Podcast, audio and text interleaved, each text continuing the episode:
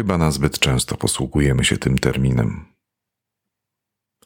Oto młoda mama, karmiąca niemowlę kaszką, mówi z czułością: O, o, o, jak pięknie zjadłeś całą miseczkę. Albo menadżer korporacji chwali się, że krzywe sprzedażowe pięknie pną mu się do góry. Ale przecież nie każde określenie oznaczające naszą aprobatę musi być tożsame z pięknem.